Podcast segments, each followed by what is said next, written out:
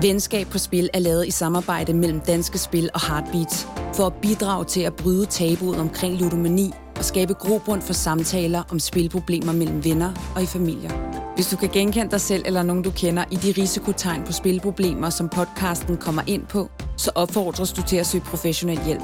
Du kan finde ludomanitests og anden information online, som kan hjælpe dig til at blive klogere på, hvilke faresignaler, som du skal være opmærksom på.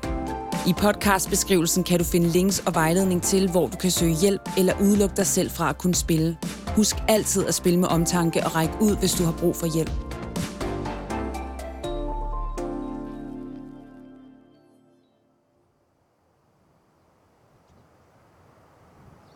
Det var den 31. december om morgenen, og jeg står ude i sommerhuset, hvor jeg øh, virker klar til den nytårsfest, vi skal holde om aftenen.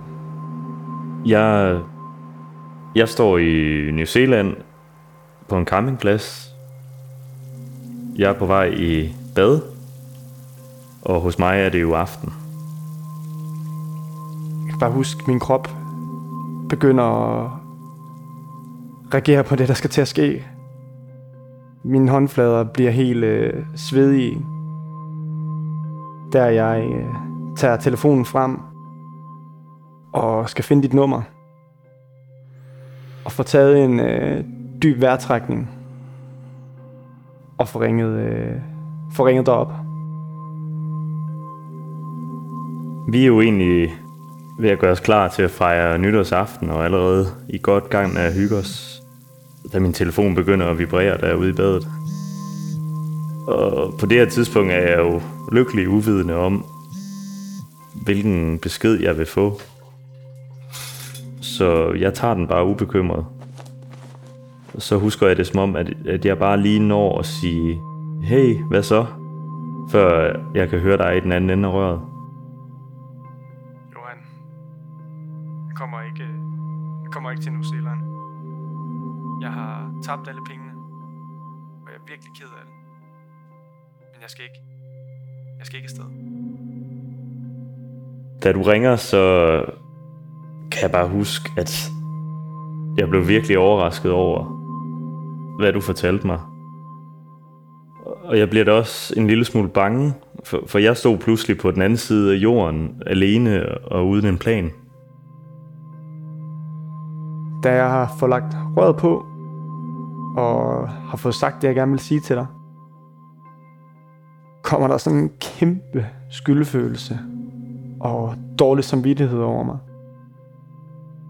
Og så kan jeg ikke lade være med at tænke på, at drengene kommer i aften, og jeg skal gå til bekendelse over for dem og fortælle dem om de her problemer. Det var så uoverskueligt. Fordi det eneste, jeg lige kunne tænke på, var, hvad der nu skulle ske med os to. Jeg var... Jeg var virkelig skuffet. Jeg var virkelig ked af det. Og lige der Og lige der var jeg var jeg ikke sikker på, ikke sikker på, om vi skulle have venner mere. vi to skulle være venner mere.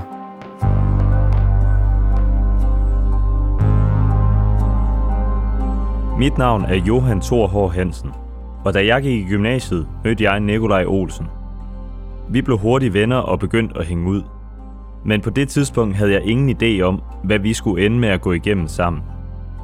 For havde jeg vidst det, så er jeg ærligt talt ikke sikker på, at vi var blevet venner. For Nikolaj er nemlig ludoman. Og selvom han i dag er spilfri, så kaster det stadig lange skygger over vores venskab. I den her podcast vil jeg derfor forsøge at få svar på nogle af de store spørgsmål, som har tynget vores relation, og prøve at forstå, hvor langt ude Nikolaj egentlig var, om jeg kunne have gjort mere for at hjælpe ham, og ikke mindst, hvordan Nikolaj kunne sætte sit eget liv og vores venskab på spil.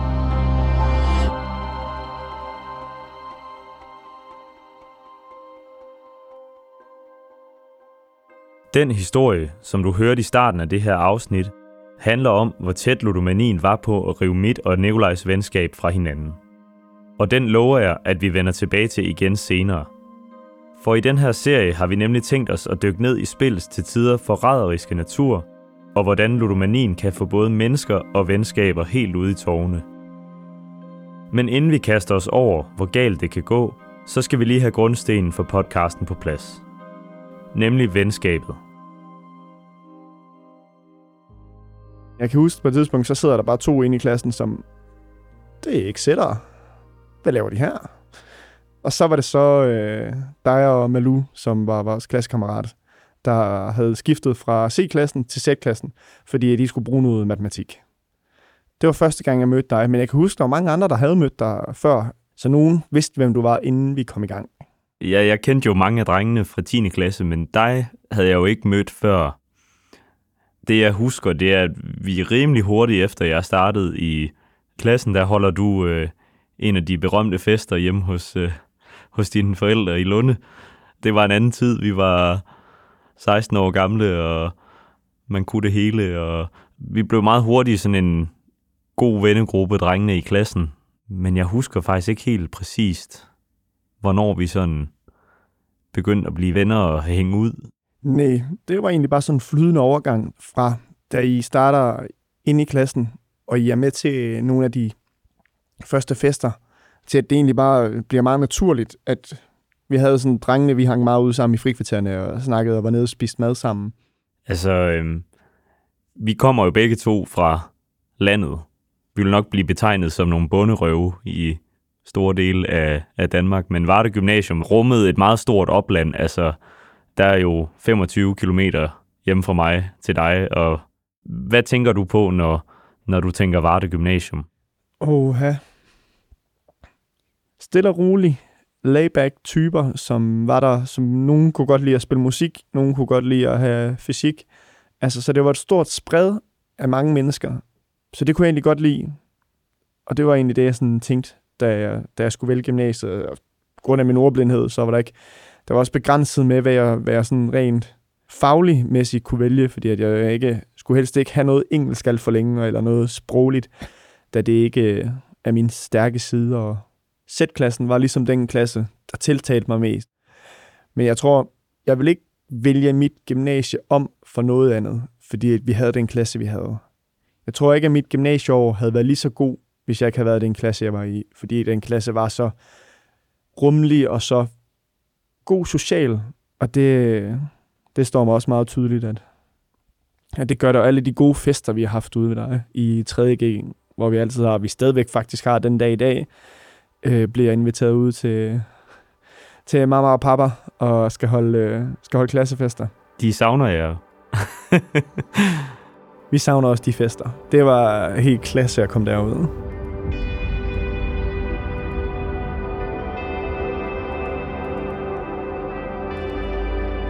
I virkeligheden tænker jeg, at vores gymnasietid minder om de fleste andres. Vi holdt fester, spillede volleyball hver mandag, og var på alle måder to ganske almindelige fyre på vej ind i 20'erne. Men for os endte spillet også bare med at fylde en hel del. Og selvom jeg har glemt detaljerne, så kan Nikolaj åbenbart stadig huske de første gange, at ham og mig spillede sammen.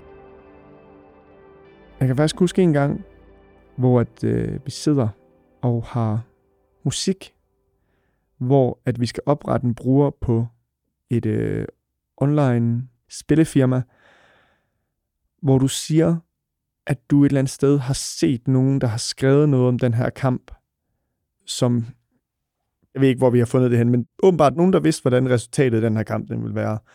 Og man kunne spille det på det her betting site, hvor vi kunne få noget velkomstbonus på, hvor vi lagde 50 kroner ind hver, og øh, oddset gik ikke igennem, men vi kunne vinde på den 50, hvis mit hver kunne vi vinde 4.000 et eller andet sådan noget. Og det er en af de gange, hvor jeg kan huske, at vi sådan, der fysisk smed vi nogle penge sammen i til at spille. Spillet fungerede som et socialt samlingspunkt, og det har også været med til at give os rigtig mange sjove oplevelser. Men for Nikolaj tog det desværre overhånd. Jeg tror bare ikke, at nogen af os dengang havde en forståelse af, at det rent faktisk var noget, man kunne blive ægte afhængig af.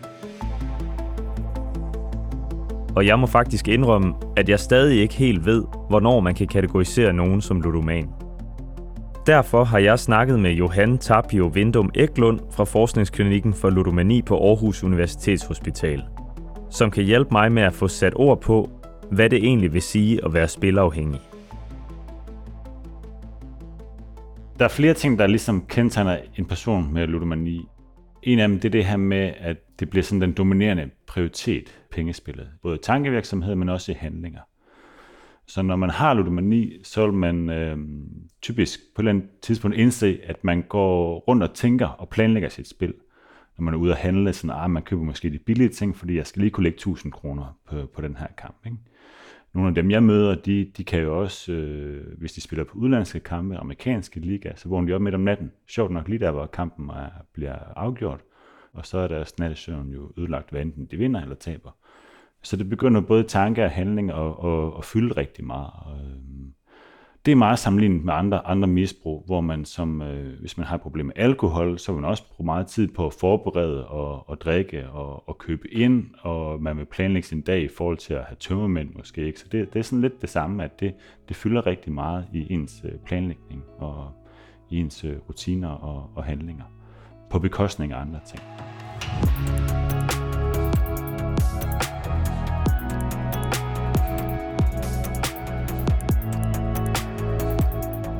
Okay, så ludomani er altså en afhængighed på højde med for eksempel alkohol, som kan overtage og overskygge andre dele af dit liv.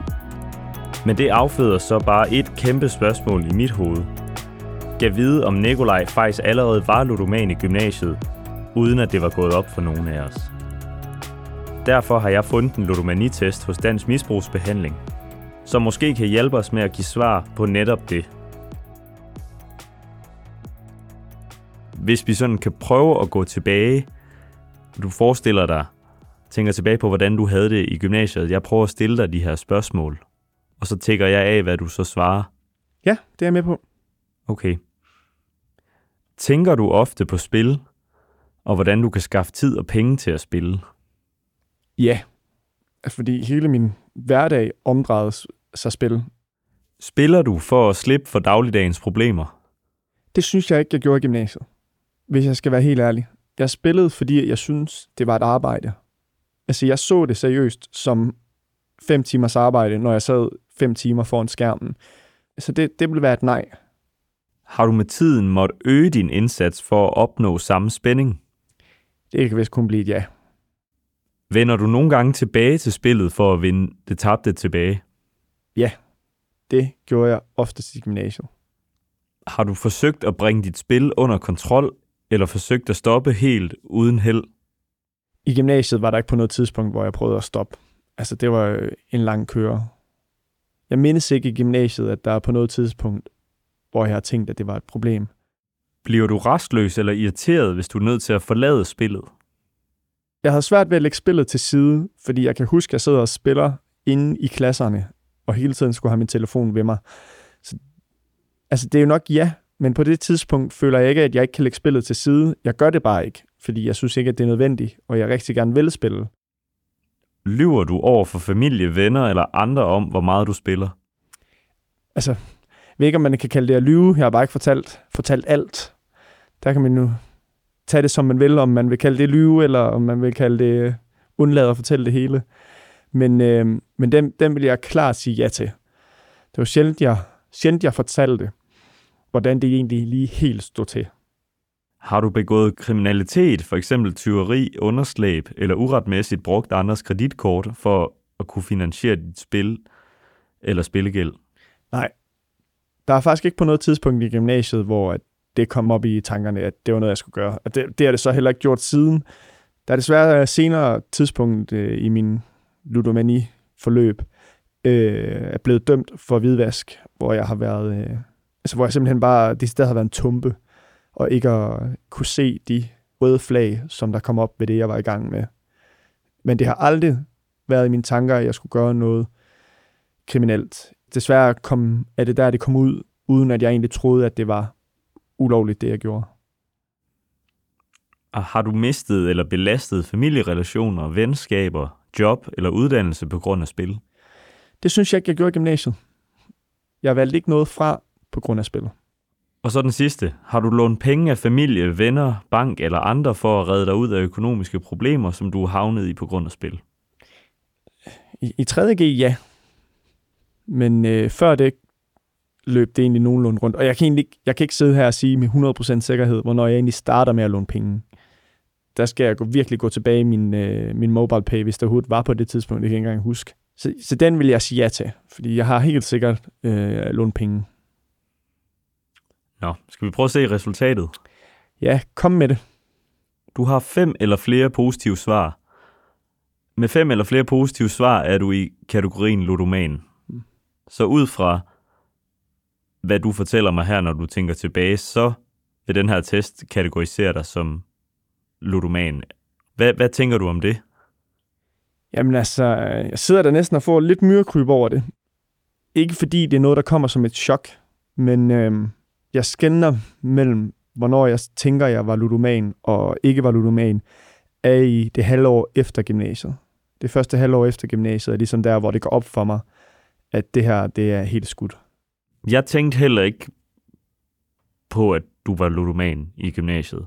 Men når jeg sidder og, og læser de her spørgsmål op, og, og sådan tænker tilbage på, du mistede ikke dine relationer i gymnasiet, men jeg tror helt sikkert, at du belastede nogen, da du begyndte at låne penge.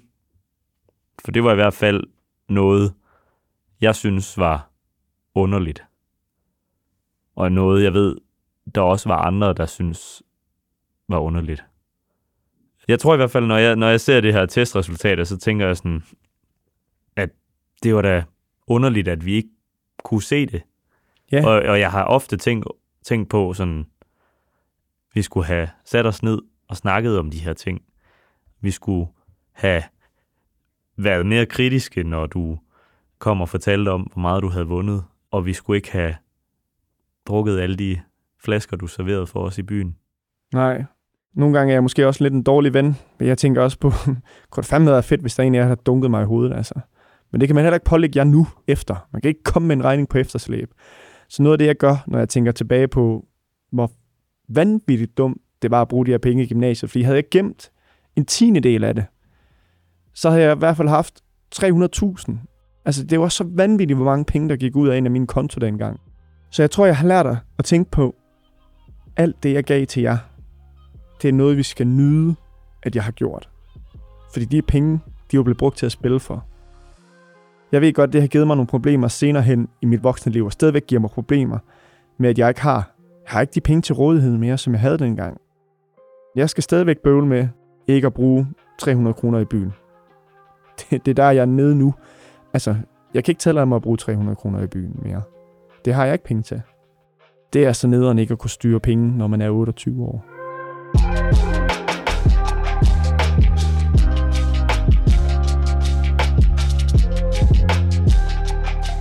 En test som den her kan nok ikke give et endegyldigt svar, men den er desværre bare med til at bekræfte den mistanke, som har boet i mig i mange år.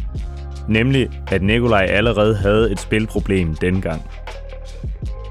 Og derfor er det også vigtigt for mig lige at sige, at hvis du som lytter kan genkende de her symptomer hos dig selv eller hos andre, så prøv at tage testen eller overvej at søge hjælp. Havde jeg sat mig ned med Nikolaj og stillet de her spørgsmål dengang, så er det ikke sikkert, at vi havde behøvet at lave den her podcast i dag. Men jeg ved jo desværre godt, at Nikolajs historie langt fra er en enlig svale. Så hvor stort et problem er det her egentlig? Og hvor mange unge oplever samme udfordringer? Det har jeg spurgt Johan Tapio Vindum Eklund om.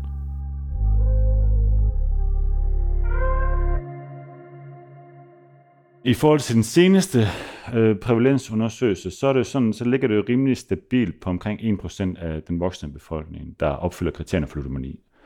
Men derudover, så kan vi se på den seneste undersøgelse også, at den her gruppe, der har et skadeligt forbrug, som ikke kan komme op og opfylde kriterierne for ludomani, den er steget. Og vi bruger også flere penge på pengespil som befolkning. Og jeg kan jo frygte, at den her voksen, eller den her større gruppe af folk i mellemgruppen, der har problemer med pengespil i en udstrækning, at de er jo kandidater desværre til at øh, udvikle ludomani. Så det kunne man frygte i den voksne befolkning. Men det, der også er meget bekymrende for mig, det er, at den seneste undersøgelse, der spurgte man også 12-17-årige. Og man finder faktisk ud af, at 6% af dem har i en eller anden udstrækning problemer med pengespil. Og det er jo meget bekymrende, synes jeg, for de generationer, der er kommet her de seneste år, der er det ofte startet, øh, jeg plejer at kalde det små casinoer i computerspil så et computerspil som øh, fodboldspillet FIFA, hvor der er det her, den her del, der, der hedder FIFA Ultimate Team, de her samlerkort. Fra en psykologisk perspektiv, så er det gambling, fordi der er et indskud, der er noget, der er tilfældigt, du ved ikke, hvad du får, og du får noget, der har en høj øh, værdi øh, psykologisk set, og nogle gange også økonomisk set. Og det er de tre ting, der skal være til stede for det gambling, og det er der i FIFA i form af footpacks, og så i Counter-Strike i form af de her CS-cases. Og, og det er farligere, fordi at unge mennesker er mere impulsive, de er ikke kognitivt er det ikke øh, helt færdigudviklet endnu. Øhm, der er en grund til, at vi ikke giver vores øh, en stor teenager en motorsav. Ikke? Det er fordi, at det, det, er en, det er en farlig ting, og man kan øh, bruge den på en meget uovervejet måde. Og det er lidt det samme, samme grund til, at unge mennesker ikke skal komme i kontakt med, med pengespil. De vil, igen i motorsavs eksempel, så vil de bare gå i gang med den og prøve at trykke på alle mulige knapper og hive noget, og begynde at save noget, hvis de fik den i gang og de er derfor øh, i større risiko for at bruge det på en, på en skadelig måde. Nikolajs spilproblemer tog desværre kun til, efter vi gik ud af gymnasiet. Og som du hørte i starten af afsnittet, så gik det pludselig op for mig, hvor stort problemet egentlig var, da jeg en nytårsaften stod på den anden side af jorden og modtog et opkald fra Danmark.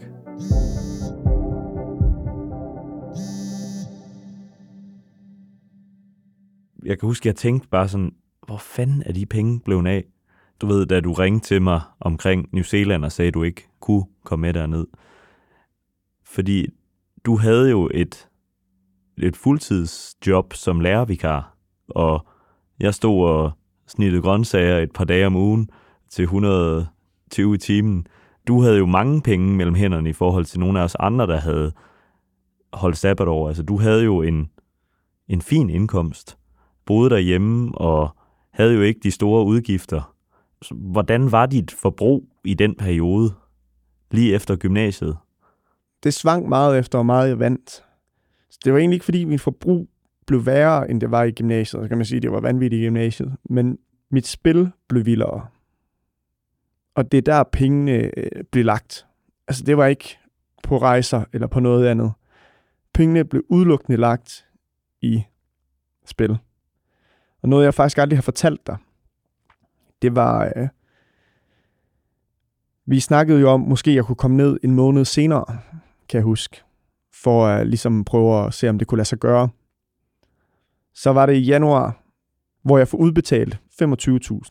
Altså jeg får psykopat mange penge. Og der er sådan, okay, 25.000. Vi har snakket om, hvor meget man egentlig skulle bruge for at tage afsted. Hvor jeg var meget sådan, nej, det er ikke nok.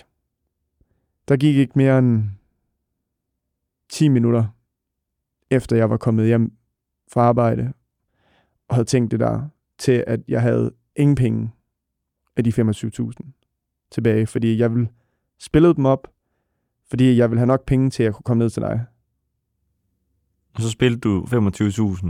Ja, så tabte jeg 25. 10 minutter? Så, jeg ved ikke, om det var en time eller 10 minutter, det kan jeg ikke huske. Men de var væk samme dag, som jeg fik dem fordi at jeg var så ked af over, at jeg kunne komme ned til dig.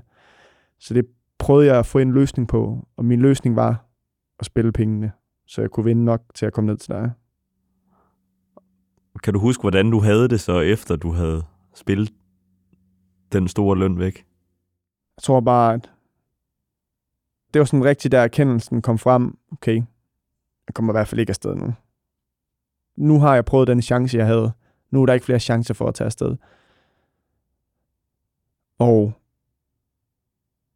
ja, jeg kunne egentlig have betalt stort set al den gæld, jeg havde på det tidspunkt. Jeg tror bare, jeg var... Jeg ved ikke, om måske også lidt lettet over. Nu skal jeg ikke tænke mere over, om jeg kan komme afsted, for det kan jeg ikke nu. Jeg kunne godt tænke mig at, at høre, hvad du tænker om, når du får det at vide. Jeg sad jo nede på New Zealand, og, og jeg havde ligesom afskrevet, at du kom derned og var sådan lidt i vildrede over, hvad, hvad jeg skulle, fordi at jeg havde været ude og arbejde lidt med det der Working Holiday Visa, men jeg havde været hos en meget skør tysk plantageejer, som ikke var særlig fedt. Hvad fanden skulle jeg egentlig nu? Skulle jeg bare tage hjem og pakke nogle grøntsager, eller skulle jeg rejse videre?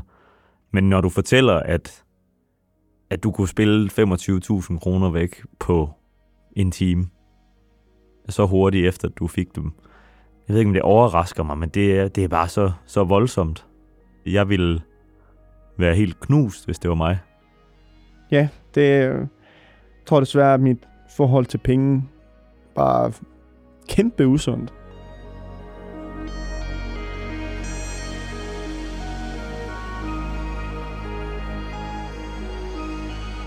Nikolajs forhold til penge var uden tvivl kæmpe usund. Og desværre gik det ikke kun ud over hans egen økonomi. For i slutningen af gymnasiet begyndte han at låne penge af os andre, og derfra spredte problemerne sig som ringe i vandet. Og selvom Nikolaj og jeg forblev venner, så har jeg faktisk aldrig fået fortalt ham ansigt til ansigt, hvad hans spil egentlig gjorde ved mig og de andre gutter. Ikke før nu.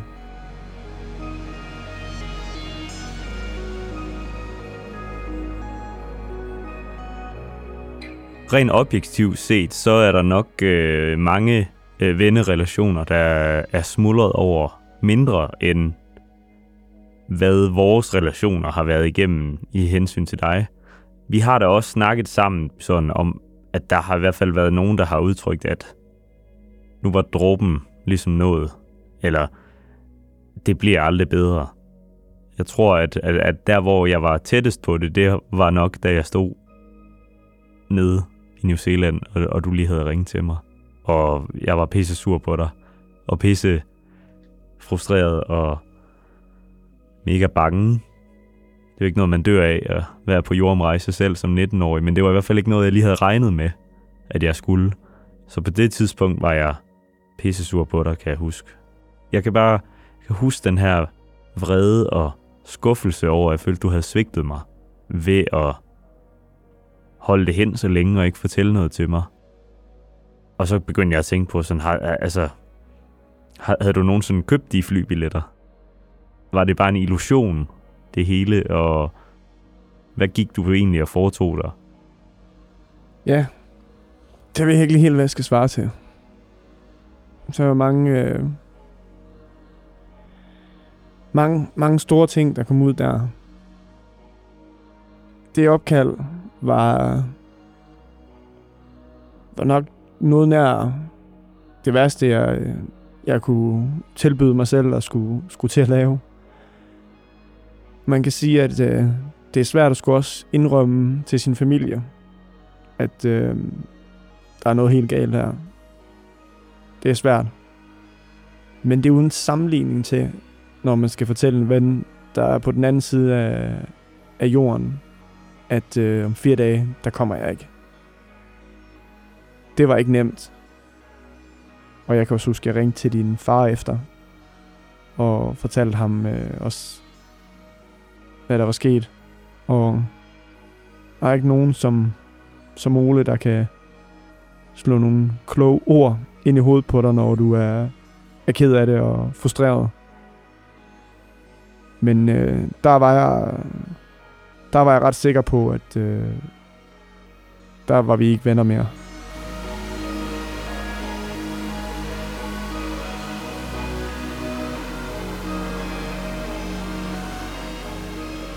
Jeg er stadigvæk nysgerrig på at lære mere om, hvad vores gymnasietid og ikke mindst gruppedynamikken i vores vennegruppe betød for Nikolajs spilafhængighed.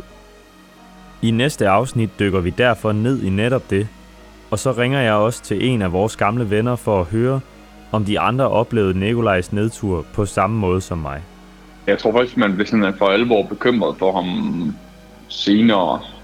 Og han fortalte om nogle af de der, at han havde lånt penge gennem de der Facebook-sider. Og at det er sådan nogle typer, der også vil ud og have fat i ham.